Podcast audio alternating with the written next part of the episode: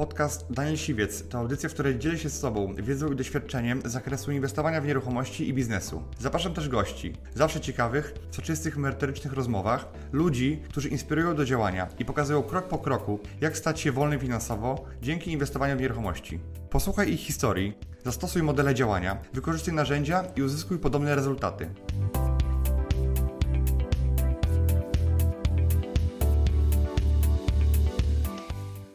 Pokażę Wam dzisiaj, jakie ja mam e, podejście do zwiększania biznesu, jakie są inne możliwości do tego, żeby robić e, inny biznes. Na przykład jednym z moich pomysłów na to, żeby ten biznes był większy, mój biznes był większy, jest to, że ja otworzyłem fundusz. Część z Was słyszała o tym funduszu, mogę o tym e, więcej opowiedzieć. Natomiast na przykład opowiem Wam o transakcji, którą miałem ostatnio we Wrocławiu. Kupiłem mieszkanie niedawno, no, kilkanaście dni temu. Kupiłem mieszkanie we Wrocławiu, mimo tego, że w nim nie byłem tym roku, ani razu.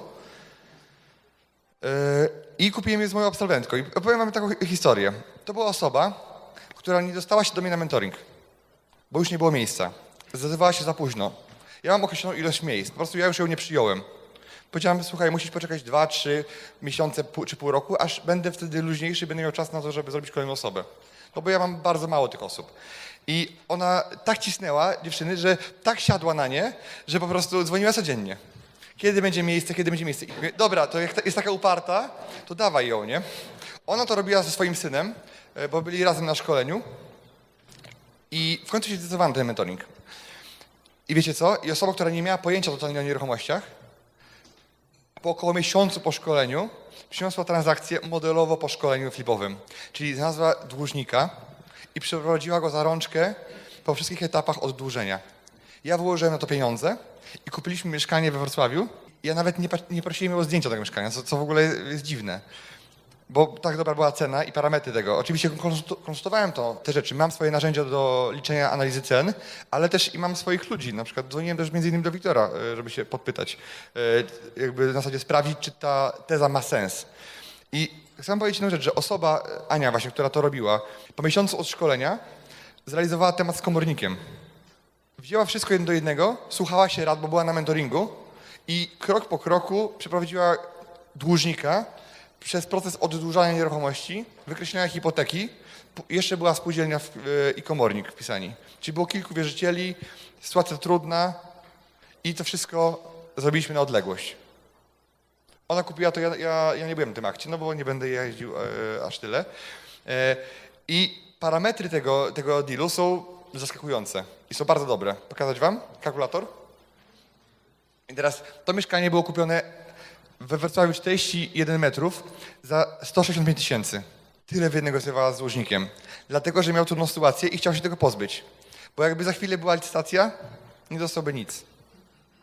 Naprawdę, docisnęła go ale też i, i pomogła mu, bo on mu, ona mówiła, on mi jest z ręki, bo wie, że mi ufa i ja, ja go prowadzę przez to wszystko, bo jak ja go nie poprowadzę, to on straci to mieszkanie i nie dostanie nic.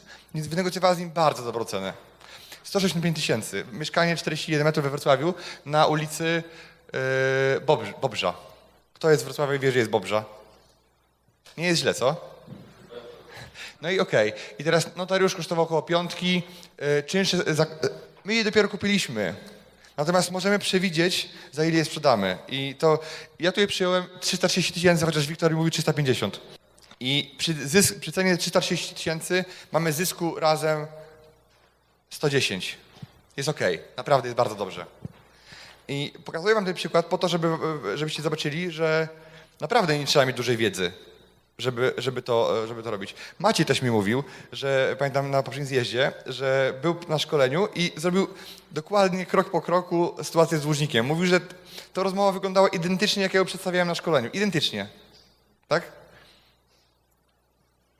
Też mówił, że była tak, ko- koronka na, e, na, na stole, szklanka, szklanka była z, e, z koszyczkiem, e, wersalka, taka łamana, bananowa. Wszystko się zgadzało. Tapeta trochę odklejona. Nie, wszystko było modelowo. Śmieję się oczywiście, nie mówił tego, ale chodzi o to, że schemat był identyczny i w ten schemat można wejść. Dlatego, tylko, że trzeba go szukać. Wiem, że część z Was boi się dzisiaj tego, żeby robić rzeczy zadłużone, bo być może nie czujecie się jeszcze w pełni kompetentni.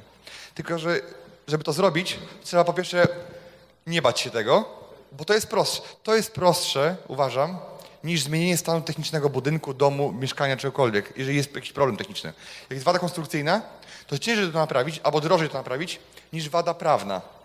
Jedyna wada której, prawna, która nie jestem w stanie jej naprawić, to wiecie co? Jeżeli dług przekracza wartość nieruchomości, to ja tego nie naprawiam. To jest do zrobienia. Bardzo ciężko, batalia. Ja w to nie wchodzę, bo to jest za ciężkie, za trudne, za długie. Ale jeżeli jest jakkolwiek szansa, że dług jest mniejszy niż wartość nieruchomości, albo tyle, ile chcemy zapłacić, to jest tam miejsce na nas i na rozmowę. Nie każdy też da sobie pomóc. Chcę, żebyście się tym zainteresowali, wrócili do tego, bo każdy mówi, zrobię normalnego flipa, drugiego flipa, trzeciego i później się okazuje, że tego nie robicie.